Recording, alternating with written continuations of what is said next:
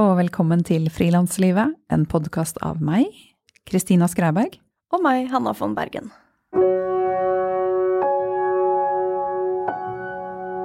Denne episoden den er sponset av regnskapsprogrammet Fiken. Som frilanser er det mye du skal holde styr på, og mange syns kanskje ikke at eh, regnskap er det letteste å ta fatt i. Fiken har som mål å gjøre regnskap lett. I fiken kan du sende fakturaer, ta bilde av kvitteringer med fiken-appen, levere moms og skattemelding. Alt fra samme sted. Du kan prøve gratis i 30 dager på fiken.no.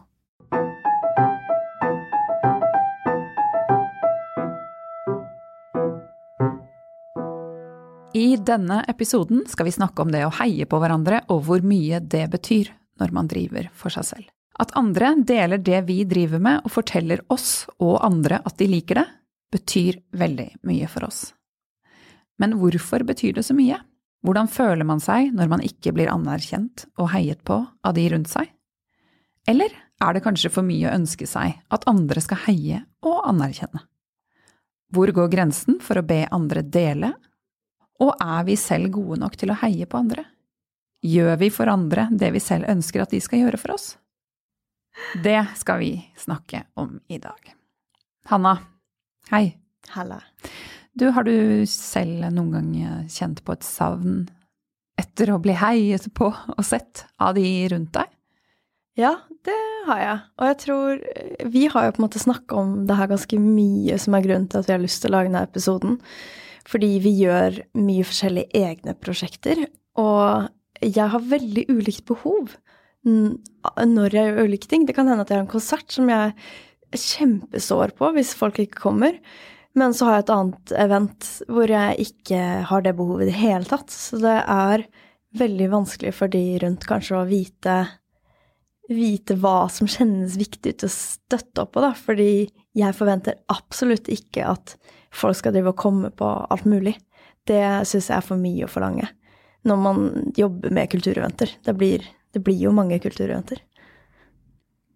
Ja, og det, det, kommer vi jo til å komme tilbake til. Men ja, det er jo en utfordring å skjønne når er det viktig for dine venner at de deltar på det du lager, og når er det Når gir du blaffen? Jeg blir veldig glad når folk dukker opp. Det syns jeg er utrolig koselig å se et kjent ansikt i publikum som sitter der og smiler, og man føler liksom at man At en venn da er stolt av det man driver med. Jeg også.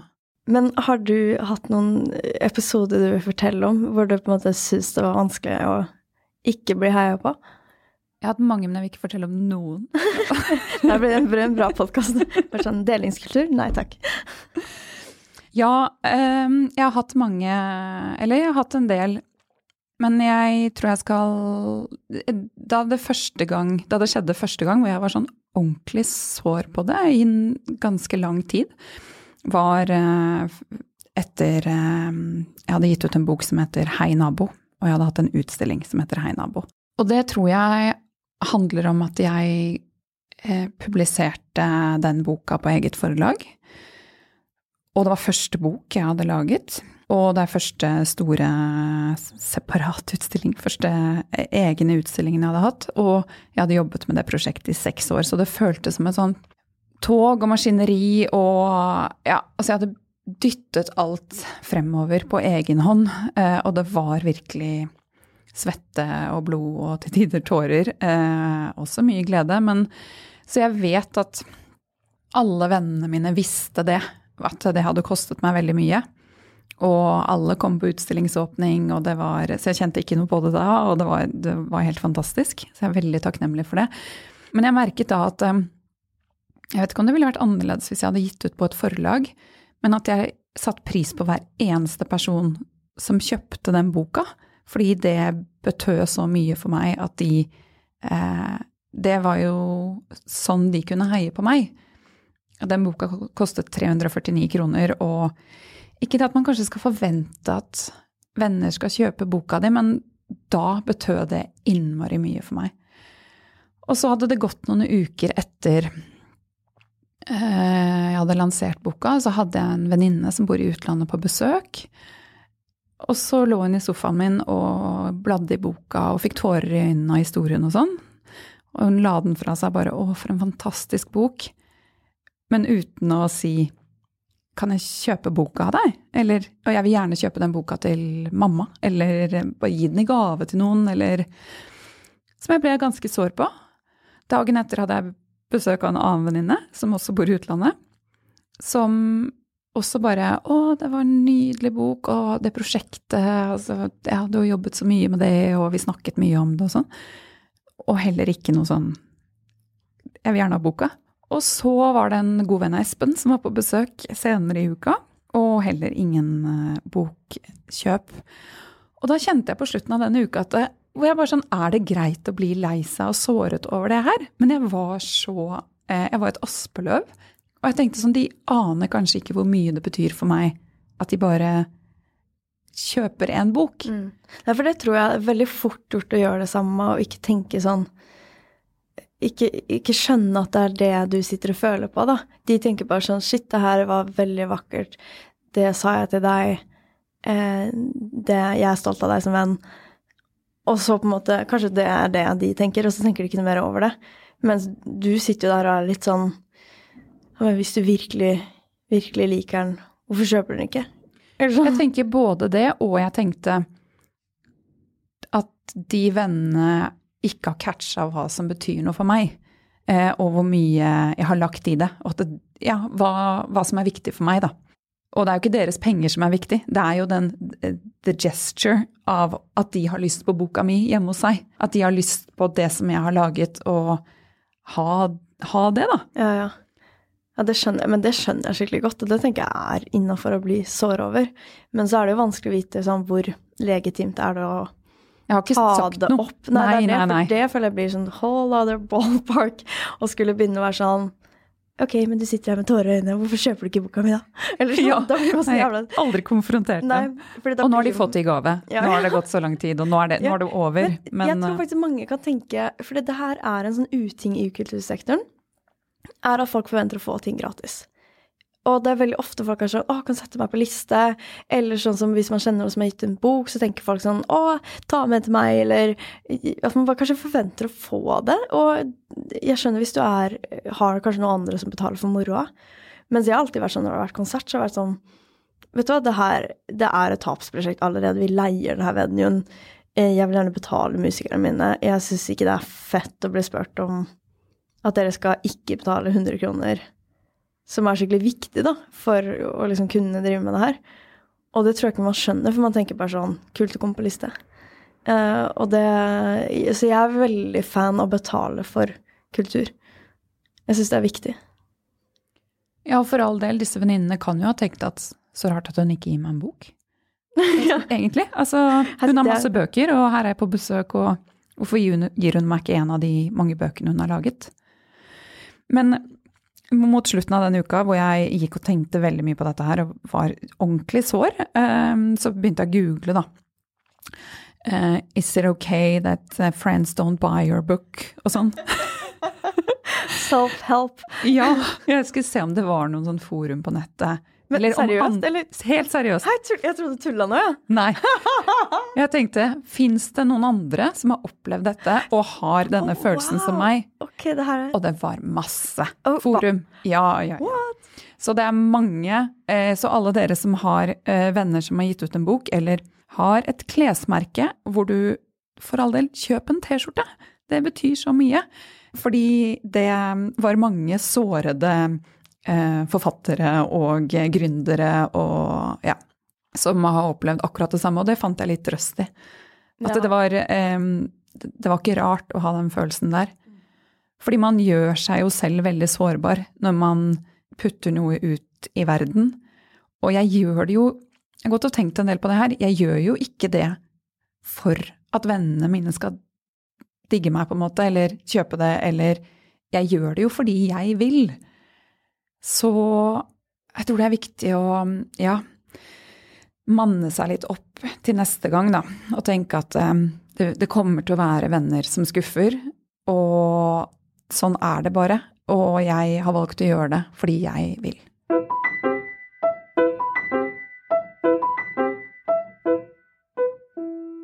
Jeg har ikke den Kanskje de forventningene, eller sier jeg, det er sikkert mange som sitter og hører på som kjenner meg, som ikke er enig, men jeg, jeg føler i hvert fall at uh, du, du har sterkere mening rundt det. Eller du kanskje har mer sånn Ok, det burde du gjøre som venn. Så syns jeg at det her Eller skjønner du hva jeg mener? Jeg bare sitter og Hva, hva ror gir du deg inn på nå, Anna?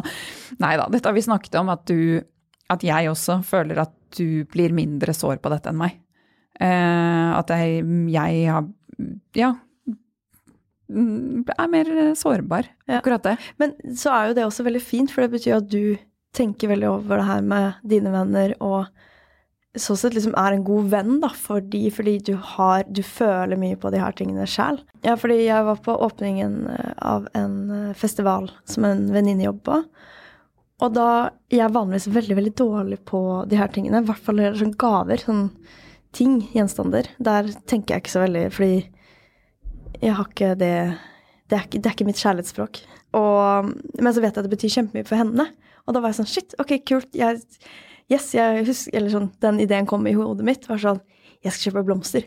Det vet jeg at hun blir skikkelig glad for. Og det er en veldig hyggelig ting å gi. Uh, og, det var, og, det var, en veldig sånn fin ting for meg også, å kunne liksom drappe opp på åpningen og verke de blomstene og være sånn Gratulerer, jeg vet du har jobba masse, uh, og jeg er veldig stolt av deg gi den blomsterbuketten. For jeg kan jo si det også, jeg er veldig god på å si de tingene. Men eh, jeg er ikke så god på å liksom legge den gaven ofte. Og det, det, er utrolig sånn Det er en veldig fin ting. Det er samme hvis du går på middag som en vertskapsgave, eller det er en sånn ekstra eh, ja, kul greie å gjøre, gi noen, da. Og en fin måte å liksom virkelig sånn oppskatte noe på. Og alle de greiene der er Jeg liker å gjøre alt det der og er veldig glad i å heie på andre. Det, eller jeg tror eh, og håper jeg, jeg er ganske god på det. Eh, og det, det, er jo derfor det henger sammen. Altså min egen sårbarhet henger jo sammen med at jeg syns det er viktig å gjøre det for andre og gir mye av meg selv på den fronten. Og så kan man bli litt sår hvis man kjenner at det ikke kommer tilbake. Mm, ja, og du er det på mange måter. Bare det med at når vi spiller denne episoden, så har jeg bursdag. Uh, Oi, 31 år. 31. Og da eh, sa du liksom 'møt meg her halv ni' eh, før vi går til studio. Og så, så kom trappa det opp med kaffe og en liten uh, bursdagshatt, og så tok du meg på hotellfrokost. Og det er sånn Jeg hadde null forventning om noe av det. For jeg tenkte at sånn Ja, ja, hyggelig at vi skal jobbe på bursdagen, tenkte jeg. kanskje vi kjøper kakelunsjen eller et eller annet sånt der. Men det, her, det er super, og det er så koselig, da. Og jeg merker at jeg blir jo veldig, veldig glad for det. Og blir, føler seg liksom sånn Man føler seg heia på som menneske, da. Og ikke bare med liksom ting jeg gjør eller et prosjekt, men det er den der at du viser at du bryr deg, viser at du har tenkt og liksom gir en opplevelse i gave. Jeg syns det er kjempefint å få. Tusen takk. Så Det var veldig, veldig hyggelig å gi. Anna. Ja, ja, og det er sånn der... Jeg syns jo det er veldig gøy. Ja, jeg er så dårlig på de her tingene, så jeg føler meg som sånn her mann 50 i liksom vår foreldres generasjon som glemmer folks bursdager, og så kjøper liksom noe på flyplassen eller sånn. Jeg føler meg sånn jeg, bare, ja, jeg har som et personlig mål å bli bedre på de her tingene. Det er veldig bra. Og da er det jo veldig bra at du ikke har, har så høye forventninger til at andre skal gjøre det for deg, at ikke du er den som kommer og er sår på det, siden du ikke gjør det så mye selv.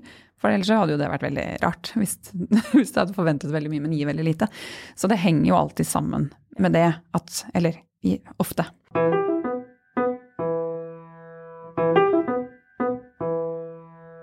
Det er jo ikke alltid lett å huske på i hverdagen, men det gjør Jeg syns at sånne ting gjør hverdagen litt ekstra magisk, da. Eh, og ja, og det der med å eh, bli sår på at en venn ikke kjøper bok, det handler jo om ikke bare den transaksjonen. Det handler jo om å ikke føle seg sett som menneske, som du sier, og bli mm. heiet på som person. Den jeg er, hva jeg har lagt i det, og, mm. ja, og hva det, det betyr for meg. Og derfor gjør det så sårt, for jeg merker sånn det at noen kommer Eller det at jeg var på åpningen din da, til Hei nabo, det gjør at jeg lærer Og det husker jeg den dag i dag. yeah. Og det, ja, men det gjør jo at jeg også får så mye større innblikk i ditt liv og hva du bryr deg om, og jeg skjønner hvilken boble du er i, da. fordi hvis man bare er utenfor det der, så, så mister man en del av personlighet. Fordi jeg legger så utrolig mye inn i prosjektene jeg gjør, at jeg føler at du, du kjenner meg ikke hvis ikke du kjenner meg gjennom prosjektene mine. Nesten til å liksom dra det til det nivået. Jeg sitter og nikker. Mm. Så det gjør jo at man blir veldig så på det, da. For det er, det er For meg kan det være liksom større enn en bursdag, på en måte. Og med et event. Men det, uh, det er jo vanskelig å vite utenfra. Ja, og det bringer oss jo til at det er jo også kanskje ens eget ansvar å formidle når man har de forventningene, og når det er ekstra viktig. Hvert fall altså det med Tilbake til Hei nabo, så var det min, min, første store ting. Så der tenkte jeg at det, dette vet de, det ser de. Men når man etter hvert gjør veldig mange forskjellige ting, og utenifra så kan oss frilansere virke som litt sånn Altså det kan være vanskelig å følge med. Hva driver du egentlig med nå? Hva, hva arrangerte du der, eller hva ga du ut der, eller hvilken film var du med på, eller hva, hva, ja, hva rører seg? Så hvis man har et ønske om at folk skal følge med eller delta på ting, så kanskje vi har et ekstra ansvar i å fortelle vennene våre det. At nå har jeg en åpning på dette, og det betyr veldig mye for meg at du kommer. Eller hva? Ja, det syns jeg. Når vi gjorde livepodkasten eh, om psykisk helse, da var jeg så latterlig nervøs, og var, jeg var et nervevrak, liksom. Jeg lå i fosterstilling og var helt sånn her jeg var helt krisestadiet før jeg gikk til det eventet. Men du gjorde en superinnsats. Tusen takk. Og da var kjæresten min der, og han bare Oi, eh, går det bra med deg? Hva behøver du? Vil du at jeg skal komme på eventet eller, eller ikke? Hva, hva, er best? Og jeg bare jeg vet, jeg vet, ikke. Jeg vet ikke om du skal være der eller ikke. Uh, nei. Og han bare OK, OK, men da ses vi etterpå. Eller jo, jo, jo kom, kom, på eventet, så klarte jeg ikke å bestemme meg. Sånn der, vil, er det bedre at han kommer, eller er det verre at han kommer? Ble jeg mer nervøs av det?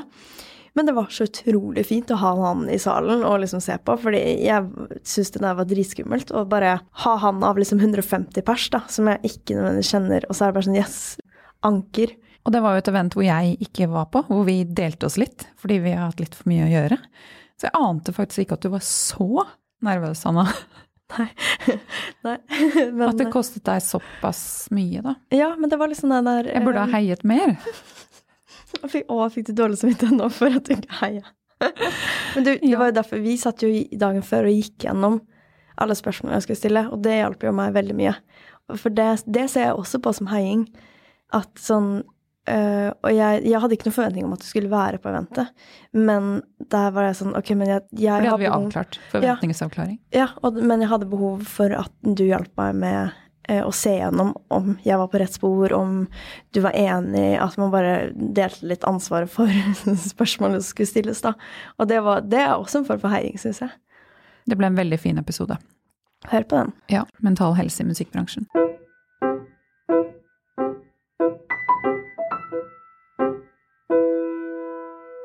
Nå nylig så har jeg gitt ut en bok til. Og det jeg har jo forventninger da òg, kjenner jeg. Men på en litt annen måte, for det har ikke vært like mye blod, svette og tårer. Og jeg har fått um, gjort det på et oppdrag for en organisasjon. Men jeg syns jo boken er like viktig og bra. Men da kjente jeg at jeg ble såret på noe annet, og det var heiing i Eller heiing i sosiale medier. Eh, som veldig mange rundt meg har gjort helt uoppfordret som jeg merker at jeg setter skikkelig stor pris på. Fordi det er også viktig i det å nå ut med budskapet sitt, at det faktisk eh, spres.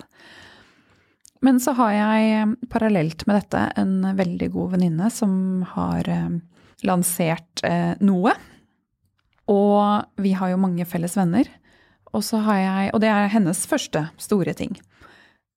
Og så har jeg bare ikke klart å la være å legge merke til at noen av våre venner heier mye mer på henne i sosiale medier, eh, og ikke har delt det at jeg har laget bok. Og da kjente jeg at nå ble jeg skikkelig sår igjen. Og det, og det er en sånn ille følelse å kjenne på. Og enda verre å sitte og måle sånn Hvordan er de vennene eh, mot Eller overfor meg forhold til det de er overfor henne. Nei, jeg snakket med venninnen min om det fordi vi har snakket masse om heiing, vi òg.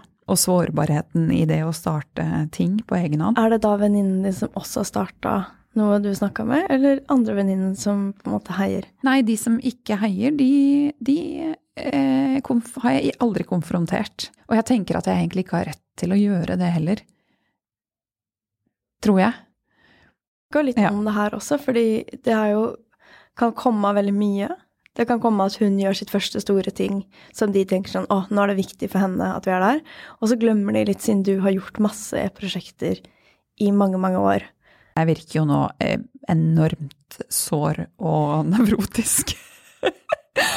og Du har sånn dagbok, dagbok hjemme som du driver og fyller ut sånn Ja, Ja. jeg delte det én gang på Instagram, Ja, ja, ja. på Facebook. ja det henger inne på Nei, nei, men det er, det er veldig fint at du tar det opp, fordi det er reelt, da. Og det er jo kjempe... Det er vanskelig å orientere seg i det som venner også. Så blir man sånn. Og det må jo også, det er det jeg tenker på det å si fra, da. Er det legitimt å si fra? Fordi man kan jo si fra om andre ting. Man kan si fra sånn 'Å, nå er jeg lei meg, for vi har ikke sett på lenge', og 'jeg, vil, jeg savner deg', eller 'jeg ble sår for at uh, du ikke inviterte meg på det her', eller jeg vet ikke. Det er jo innafor å si ifra til venner om ting. Altså med de bøkene, Hei nabo-bøkene, så kjente jeg at det ønsker jeg ikke. Nei.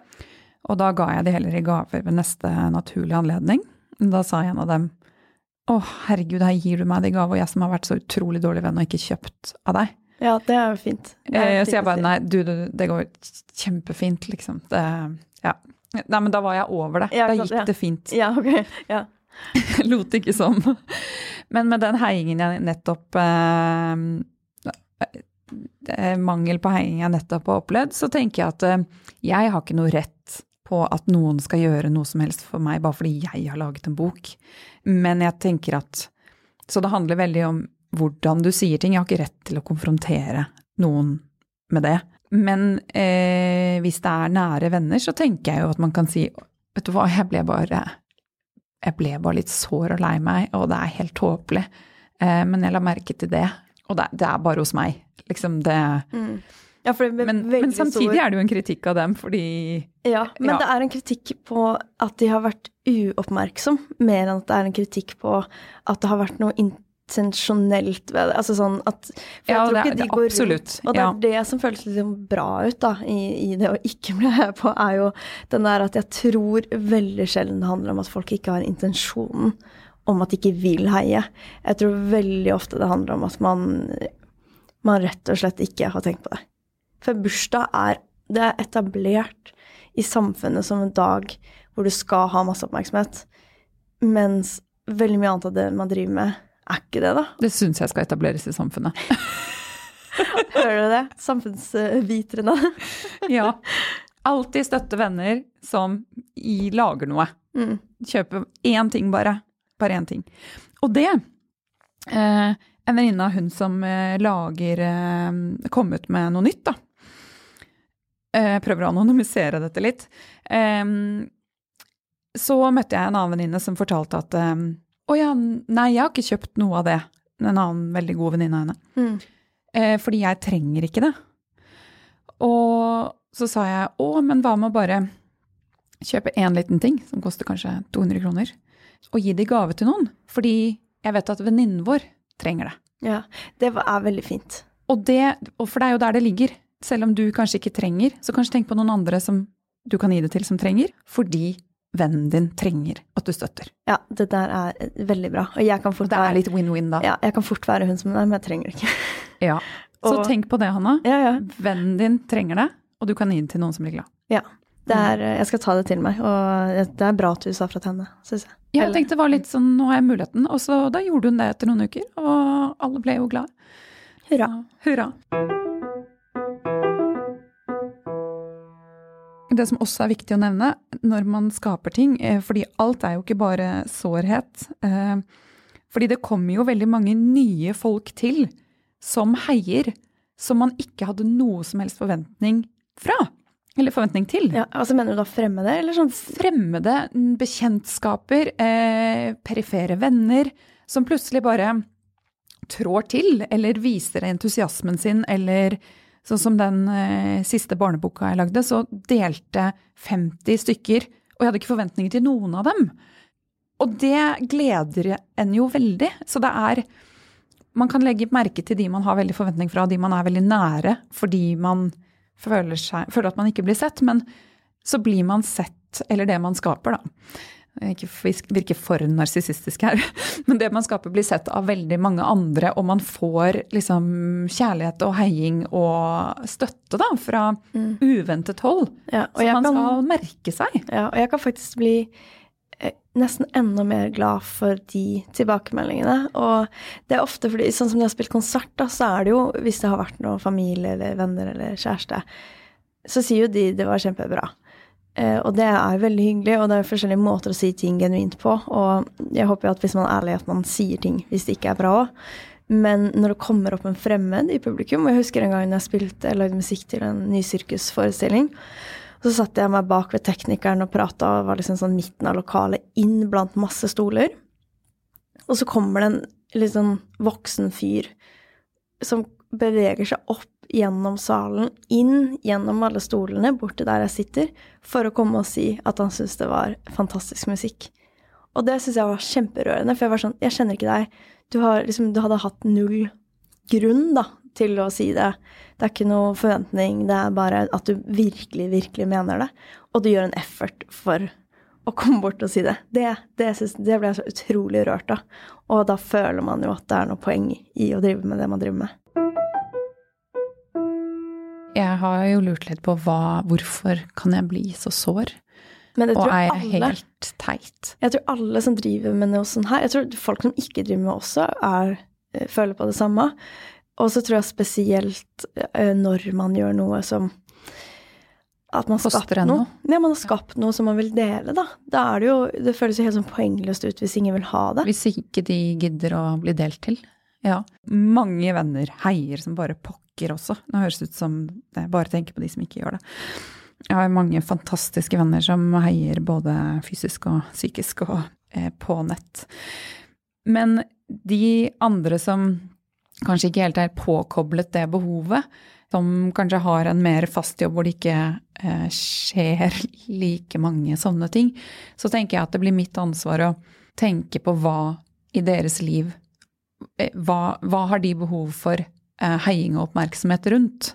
Om det kan være et hobbyprosjekt, eller om det kan være barna deres, eller ja, når de legger ut en leilighet de skal selge, eh, hva som helst. At man passer på å se dem i det. Sånn at eh, jeg For jeg syns det er så viktig at jeg heier på de rundt meg, selv om ikke det er en konsert. Så heiing i alle mulige former, egentlig. Mm. Uavhengig av hva folk gjør, da. Hvis mm. det er viktig for dem det veldig fine er jo når du klarer å bygge prosjekter som når utover egen krets og familie, og du får et publikum som setter pris på det du skaper, hvor du ikke trenger eh, vennene dine på samme måte. Altså du trenger det på et personlig plan, men det du skaper når lenger ut, og du klarer å ha et helt eget publikum, og ikke bare få hjelp av at alle vennene dine skal støtte opp hver gang. Da. Ja, det er jeg enig enig. Det er jo litt sånn Det blir, kan jo bli belastende å være den gode vennen hvis man føler at sånn Shit, jeg må, jeg må møte opp på det og det og det, fordi ellers blir blir denne personen lei seg. Det er jo sånn, også litt tung ting å bære. Helt klart. Og, og, det er derfor jeg tenker at hver gang vi har en, en live event eller ja, hver gang jeg skriver en reportasje, selv om det har vært et viktig oppdrag for meg, så alt det der har jeg ingen forventning rundt, fordi det, livet til vennene mine handler jo tross alt om mer enn meg, og hva jeg gjør. Så det Man skal jo Og kanskje, hvis man driver med veldig mye, så kan det jo ja, kanskje bli litt mye, da, av en selv. Og ja, det er ikke alt man kan ha forventning til fra vennene sine.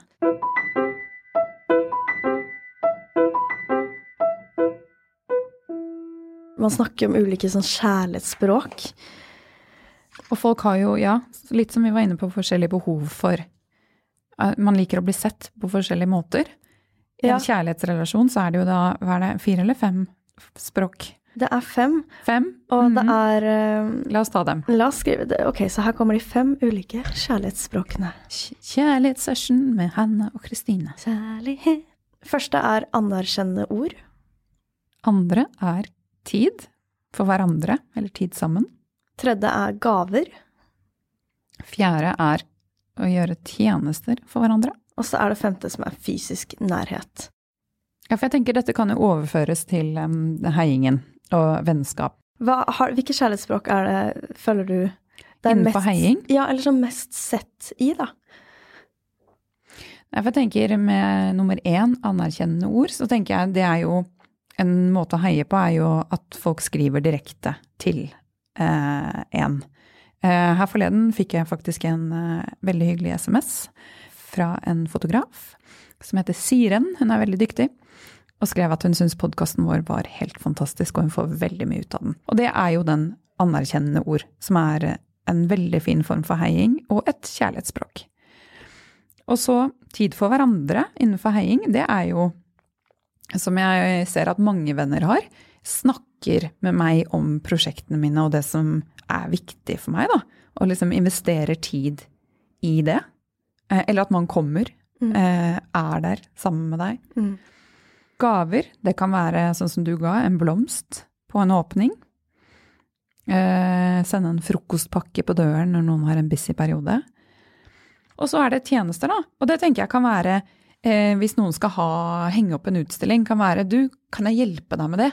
Eller vil du låne vanen min, så kjører jeg de tingene for deg? Eller eh, ja, skal jeg komme tidligere sammen med deg, osv. Fysisk nærhet på heiing, det kan jo også være det der å delta, da. Dukke opp. Ja. Mm. Mine kjærlighetsspråk vil jeg nesten si er alle. det er kanskje derfor jeg blir så mye lei meg. Å, for et fantastisk eh, sitat. Ja. Um, mm. Ja, men har du ingenting som er sånn her For jeg for eksempel er ikke så eh, stor på det med gaver. Nei, gaver er minst viktig, ser jeg. Jeg blir mest glad når det kommer litt sånn ut av det blå, faktisk. Og der kan jeg klinke til litt. eh, Sånn som nå når jeg har vært i i Japan med et, prosjektgruppe, så har jeg sendt en eh, talemelding hver dag som var schedula klokka åtte på morgenen i mail til min kjæreste over elleve dager. Så han mottok en liten kjærlighetserklæring der åtte på morgenen hver dag mens jeg var borte. Wow. Og det er jo Det er superromantisk. Og eh, Du er ikke bare mann eh, 50 som plukket opp noe på Gardermoen, altså. Nei, så, og, det, og det er sånn Det er noe jeg bare genuint vil gjøre. Jeg vet at det ikke er forvent... Det er da jeg syns det er hyggeligst å gi òg. Jeg tror det, jeg får helt fnatt av en sånn forventningspress om at nå, nå forventer du at jeg skal komme med en gave. Da har jeg, har ikke lyst til å gi en gave.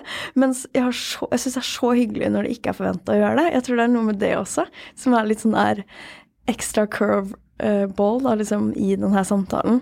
Men du tar litt avstand du når du kjenner på forventningspress. Ja, det gjør. Mm. Da blir jeg, kan jeg bli litt sånn Da kan jeg bli litt sår. Ja, når Ja. folk forventer av deg, Ja. så blir du sår. Ja. Ja. Interessant. Motsatt. Motsatt sår.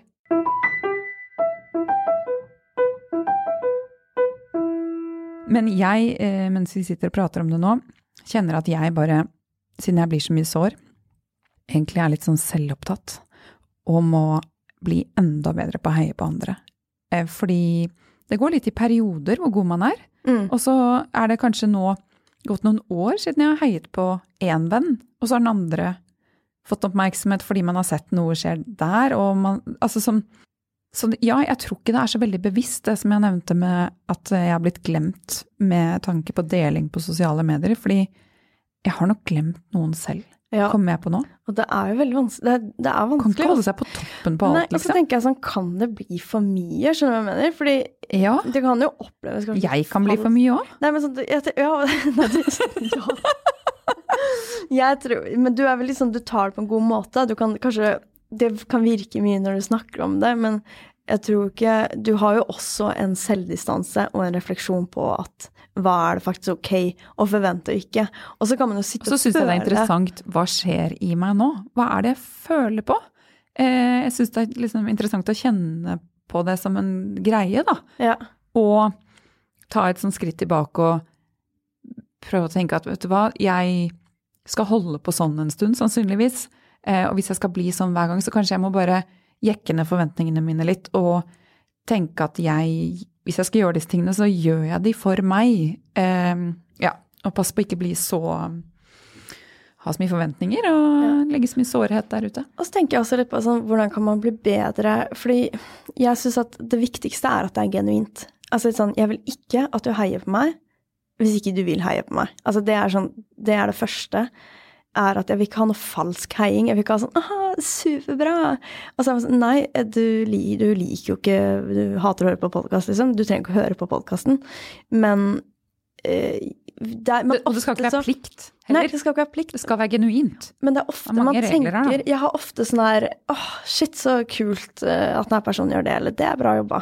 Og så sier jeg det ikke. Og der tenker jeg, der har man sånn øyeblikk Forbedringspotensial. Ja, og øyeblikk hvor man liksom kan catche det. For jeg har vært sånn her av og til at jeg jeg har vært sånn, ok, ringe mamma, liksom. Skrive, jeg skriver på to do-lista, ringe mamma, fordi jeg, eh, jeg glemmer det. Jeg sånn, og jeg syns det er hyggelig, og, men jeg må noen ganger skrive ned sånne ting som en sånn to do-greie, fordi det ikke liksom Jeg sitter ikke og bare har flust av tid, og så er jeg sånn Å, kanskje jeg skal gå inn og rate den podkasten på iTunes. Det, er ikke, det faller ikke inn, da. Kanskje man skal ha sånn heietime én time i uka, hvor man sitter og liksom får gjort Skrevet de positive tingene man har tenkt, og Ja, jeg tenkte litt på det. Altså, sende meg, melding til den vennen og sånn. Jeg som er en strukturnerd, da, hadde jo sikkert funka. Jeg er bare litt sånn redd for at det oppleves som sånn fredag klokka 11, så får liksom alle venner Så sånn. alle heier opp? Ja, det er jo veldig spesielt. Og hver fredag klokken 11 så legger du ut noe på Facebook som er sånn Sjekk ut min venn Ja. sitt fantastiske leppepomade. Ja, og det betyr jo så mye. Jeg har sett sånn som eh, Jeg tror jeg var inne på Emilie Nicolas sin Instagram og scrolla, liksom. Jeg vet ikke, jeg synes det var, jeg hørte med musikken, så ble jeg litt nysgjerrig. Og så så jeg at hun hadde delt andre band. Og var bare sånn Det er Det her er sjukt fett, sjekk ut det. Og så tenkte jeg sånn ah, det er bra gjort. Det er veldig det er, er og Spesielt hvis man har mange følgere, og det er en kul måte å bli oppdaga på for andre, så er jo det helt supert. Og jeg tror bare at jeg må, jeg må aktivt øve meg på å ikke bare tenke det, men gjøre, gjøre de her tingene. Ja, jeg også skal bli enda bedre. Mm. Eh, For det betyr utrolig mye. Og det kan skape et bedre kulturliv og et varmere samfunn.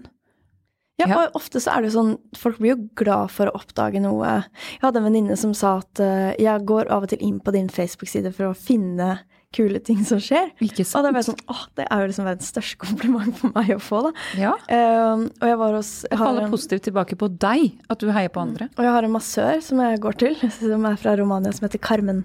Uh, og hun er sykt hyggelig, kjempeflink. Og da sa hun eh, å, det betyr betyr skikkelig mye hvis du vil For jeg driver og skryter av henne når jeg er der. Og så sier hun å, det betyr skikkelig mye hvis du vil inn og skrive en sånn review på Google. Og så var jeg sånn ja, det skal jeg. Og det er mange måneder siden. Og så var jeg bare sånn Du og jeg snakka om det her med heiing. Og da skrev jeg det opp på to do-lista mi. Skrive en Google review for massør. Uh, og, og da gjorde jeg det. Fordi at da hadde jeg liksom hadde jeg committa da, på en annen måte overfor meg selv. Og jeg liker ikke å være en sånn person som sier at man skal gjøre ting, og ikke gjør det. Det er kjipt. Ja, dette syns jeg er veldig bra. Jeg liker at det tok eh, en Begynte med sin egen sår, eller min sårhet, og så hva kan vi gjøre for andre? Fordi det er jo en veldig viktig del av det. Man ikke bare sitter med forventninger, men eh, ja, gjør vi faktisk det vi ønsker at andre gjør mot oss? Så jeg skal innføre heietime. Jeg tror det er veldig bra med heietime. Fordi jeg vil det. Det er en av de tingene jeg har lyst til å være skikkelig god på. Jeg har lyst til å fremme andre, det er jo også det denne podkasten handler om. Eh, det bare havner langt ned på lista og langt ned i eh, hva heter det, hjernebarken. Ja. Og, men eh, nå, det her skal ikke helt på slutten, men jeg jeg bare syns det er veldig interessant med det her med generell heiing i forhold til eh, jul og bursdag, og er du en sånn person som sender julekort? Nei. Men i år har jeg faktisk tenkt, fordi jeg har så mye Hei nabo-bøker fordi vennene mine ikke kjøpte dem. Ja. Eller fordi det er veldig mange bøker som er Det er, printa? jeg printet 3000 don't do that. Altfor mye. Ja, det er ut... Å, Ah, ja, men jeg, er så, jeg har så, er så positiv. Tror jeg at alt skal gå så bra. Jeg har noen hundre bøker i boden. Så i år har jeg tenkt til å gjøre noe nyttig med det lageret av bøker. Og det er å ta en sløyfe, et sløyfebånd rundt og et lite kort, og så faktisk gå innom alle jeg har samarbeidet med i år, med å gi dem det som en julehilsen. Det er utrolig fint. Jeg tenker det er jo et smart visittkort og en veldig hyggelig gesture. Krever litt jobb, da. Ja, det blir i hvert fall en dag med å sykle rundt. Men eh, Det her går innenfor administrasjonstida, som du ikke kan fakturere for, som man må ta betalt for i andre oppdrag, sånn at man kan ha tid til å gjøre sånne her ting. fordi det er en del av det å drive business.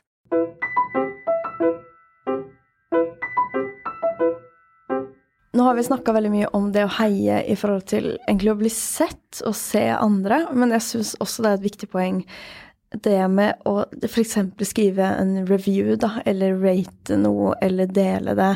Det handler veldig mye om å bruke forbrukermakta si. Det er vel et veldig viktig poeng. Ja, det er kult, for, for det er sånn man oppdager tjenester og produkter som ikke er store, for de har ikke masse markedsføringsbudsjett. Og spesielt nå når alt er sånn algoritmestyrt, hvor Facebook vil at alt skal bli sponsa. Eh, og det er veldig vanskelig å nå ut til dine følgere hvis ikke du putter penger på de postene. Da er det spesielt viktig at folk deler av frivillige. Det, jeg har egentlig ikke sett på det på den måten, men det er jo, ja, en måte at du bidrar til at eh, de stedene og tingene du syns er bra, overlever. Rett og slett. Det er kjempebra. Og det koster jo egentlig det koster nada å gjøre det. Mm. Men det må inn i heietimen. Ja, og det er faktisk litt sånn kult å heie på. At ikke er bare sånn 'Å, skal jeg se hva venner, mine venner driver med', men at man er sånn 'Ok, kult, hvilke bedrifter er det jeg liker, hva er det jeg bruker penger på', hvilke kultureventer skjer som egentlig jeg kanskje ikke kjenner, eller jeg bare syns det de driver med er noe bra, da. Er, for der tror jeg folk er litt dårlige, fordi man tenker liksom sånn man har ikke noen relasjon, det er ikke noen forventning. man det er kanskje ikke så ofte man er sånn Hei, jeg, alle sammen, alle vennene mine, jeg lytta på en helt ny artist i dag som jeg ikke visste om. Kjempebra, hør på den personen her. Det syns jeg man bør gjøre mer. Og nylig så leide jeg kjole på Fjong. Eh, hvor du slipper å ha alle mulige kjoler i ditt eget klesskap, men du kan dra dit og så leier du en kjole for et par døgn. Det er også sånn kjempefin ting. Eller Too Good To Go, eksempel. At man eh, har lyst til å fortelle andre om det. Så det, ja, det kan man putte inn i heietimen på fredag morgen. Ja, Mm. absolutt. Men det der, du nevnte at ting på Facebook er algoritmestyrt, og jeg syns jo nå det er en overflod av informasjon der. Og det er ikke alltid jeg nesten er innom Facebook i løpet av en dag, eh, faktisk, og andre dager bruker jeg mye tid der. Men man blir jo derfor ganske avhengig av, eh, hvis man vil nå ut, i at andre deler eh, ting. Men tenker du det er greit å spørre andre om de kan dele innlegget ditt? Det spørs hvordan man spør, syns jeg. Man legger ikke opp til et krav, men man legger mer opp til en, det som en mulighet. Og det er samme hvis jeg For jeg har flere ganger sendt melding til folk og vært sånn Hei, jeg har det her eventet neste uke. Altså, jeg tenkte å ville dele det med deg. Om det er mulig til å komme, er det helt supert. Hvis ikke, så eh, forstår jeg det, men jeg ville sende deg et lite pip og hei. Og jeg liker å få sånne meldinger, fordi jeg bryr meg om hva du og veldig mange andre gjør. Og hvis ikke jeg hadde fått den, så hadde jeg ikke oppdaget det. Fordi alt det andre blir for mye kaos for meg. Mm. Og det er det samme hvis noen har en bursdagsfest og man har blitt invitert, og så har jeg ikke fått med meg det, eller sånn. Jeg Jeg får så det aldri med meg når det er event. jeg er så dårlig på det. Jeg har så dårlig samvittighet for det også. Fordi at jeg har masse ulike sider til alle de ulike prosjektene. Og det er så himla mye notifications, og masse notifications på ting man bare sånn Æh, det her vil jeg ikke ha notifications om. Men så får jeg ikke med meg den der dritkule eventet som noen har invitert meg til, eller fordi det er det drukner i mengden, da. Og det gjør mine ting også, eh, som jeg deler, og det er sikkert mange som ikke vil vite om det. Men du vet man blir invitert til ulike eventer, og, og så plutselig gjemmer det seg litt av eh, bursdagsfeiring da, med 15 pers inni der, liksom. Og da blir jeg sånn Å, jeg får så dårlig samvittighet. Ja, og så merker jeg det kanskje den dagen det skal skje, eller jeg har ikke liksom fått planlagt for det. Og der eh, blir jeg veldig glad når folk skriver sånn Hei, eh, ser at du eh, ikke har sett eventet, eller et eller annet, da. Eh, helt greit hvis du ikke kan, jeg bare tenkte det kan hende at du ikke har fått det med deg. Et eller annet. Helt enig. Jeg vil gjerne ha den personlige innboksen. Og jeg syns at man kan spørre folk som ikke sånn veldig perifere mennesker. Da syns jeg det er litt rart at du plutselig tar kontakt, har ikke hørt fra deg på to år, og så spør du om jeg kan dele crowdfunden din, eller din Patrion. Men hvis det er folk man har litt eh, kontakt med, og man får en ydmyk henvendelse, så syns jeg det egentlig bare er litt fint. Og jeg har en venn som driver for seg selv nå, og han var sånn Da folk spurte han om å dele før, så sa han eh, nei, jeg er liksom ikke en som deler, så det gidder jeg ikke. Ja, på Facebook. På Facebook. Ja, okay. Så mm. det er ikke min greie. Eh, men nå, når han driver for seg selv, så tenker han jo det betyr så mye for meg når andre deler, så hvorfor kunne jeg ikke bare Det kostet meg jo ikke så mye heller, så kunne jeg ikke liksom løfte det litt ut av meg, eller eh, ja, dra meg litt i nakken og dele likevel, fordi det betyr veldig mye for den andre. Så at man kanskje noen ganger gjør det likevel, da, hvis man får en ydmyk henvendelse. Mm. Men det er ofte litt sånn man blir klok i retrospekt, da. Når man selv er i en sånn situasjon, så ser man oi, det, sånt betyr mye.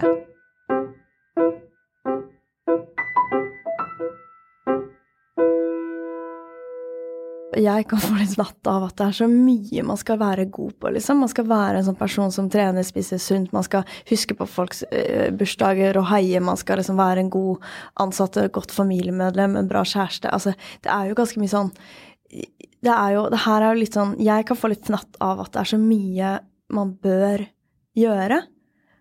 Og derfor kan jeg noen ganger ha kanskje litt lite forventninger også til folk, fordi at jeg har litt behov for det selv og bare Vet du jeg har liksom Jeg orker ikke ha så mye krav. Og sånn er det. Og det har vi snakket om før, eh, hvor du sa at det at man er litt raus med hverandre, også er en form for heiing. Ja, og det er kanskje den heiingen jeg blir mest glad for, er den der Og det kan være på privaten òg, at jeg har avtalt å se en venn, og så bare kjenner man seg, vet du hva, det er så mye nå. Jeg orker ikke. Jeg kjenner at jeg blir stressa av at jeg har sagt for to uker siden at vi skulle ses i kveld. Og så det der ha den fleksibiliteten med å kunne sende en melding og være sånn Du, jeg er skikkelig sliten. Er det greit at vi liksom tar en annen dag? Fordi jeg har bare behov for å spise Smash og binge jeg vet ikke, Grace Anatomy, liksom. Og, og da, hvis man har en venn som er sånn skjønner litt den greia, da. Som er sånn Det går kjempebra. Vi tar det en annen dag. Du kan ikke være en som notorisk liksom ditcher folk, men det å kjenne liksom sånn at man har litt fleks, da, og man har denne romsligheten, den, jeg, den, setter jeg mest pris på av alle mulige. Er, for meg er det, et, det er et eget kjærlighetsspråk. Jeg er helt enig. Den er veldig, veldig viktig. Både gi og ta. Og det syns jeg vi er veldig flinke til å gjøre med hverandre. Mm, ja. I, i det, dag, på ja. din bursdag, så sto du og ventet i et kvarter på meg fordi jeg var forsinka. Uten å mukke. Det syns jeg ikke er noe det, liksom, det gjorde meg ingenting. Jeg blir liksom ikke sur på, sur på sånt. Og ja, jeg syns også at det er eh, Jeg har faktisk sagt det til andre om deg og meg, at jeg syns det er så utrolig fint. For jeg føler sånn Jeg har dårlig samvittighet for at jeg alltid sitter onsdag kveld og så mikser jeg podkastepisode. Sender til deg og er sånn ah, sorry, sein. Og så Jeg har sagt til andre at er superirriterende. jeg vet jo at det koster deg, liksom. Jeg vet at, jeg bare tuller. Nei, men jeg vet jo at det måte det gjør jo at jeg setter deg i en situasjon hvor du må bruke din kveld, som ikke du har planlagt å sette en time av til å høre på podkast, nødvendigvis eh, som du kanskje heller hadde gjort for to dager sia. Det koster jo deg mer enn hvis jeg hadde liksom vært sånn Her er to uker fram. Jeg hadde ligget foran, da. Men nå har jeg litt en livsstil som jeg håper endrer seg litt etter jul. Sånn at jeg har litt bedre Jeg vil bli, ligge mer foran, da. Det er vel egentlig konklusjonen. Og jeg tror det, det er lettere å heie. Bra. Ja, tusen takk. Og det går eh, alle veier mellom mm. oss. Og det, mm, ja, det er utrolig fint. Du er også veldig large med hvis jeg kommer litt sent fordi jeg har litt treig levering i barnehagen, eller eh, ja, eller at man bare måtte kansellere en dag fordi man har en annen deadline og sånne ting. Mm. Og det krever egentlig litt etter livet.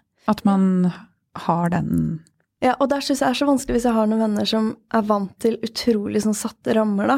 Og de er kanskje vant til at de alltid er De slutter alltid fire. Eh, og de har alltid fri helgene, eller Og da er det kanskje ikke så lett å liksom skjønne den der bobla Eller jeg, jeg, har alltid vært en sånn bobleperson som går inn i et prosjekt, og så forsvinner jeg litt, da. Og så kommer jeg ut. Og det, jeg kan nesten ikke ha noe vennskap som ikke tillater det, fordi at jeg føler litt at det er sånn jeg er.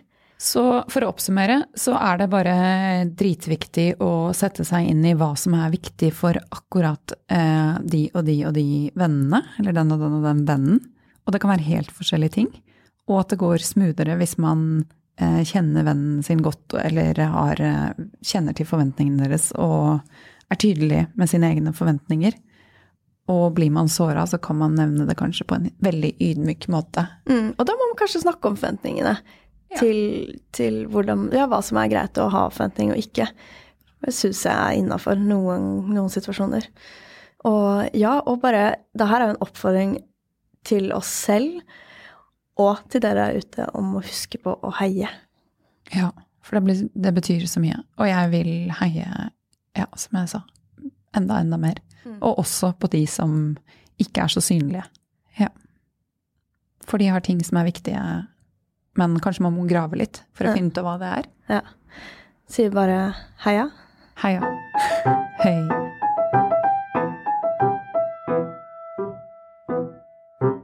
Hvis du liker det du hører, så blir vi kjempeglade hvis du forteller det til en frilanskollega. Herregud, så kleint det er å spørre dere om det er. Men dere, vi putter masse arbeid ned i det her, og hvis dere vil at vi skal fortsette, og hvis dere liker det dere hører, og ja, da blir vi skikkelig glade hvis dere vil fortelle det til andre og anbefale det. Det betyr masse for oss og gjør at vi kan fortsette å lage denne podkasten.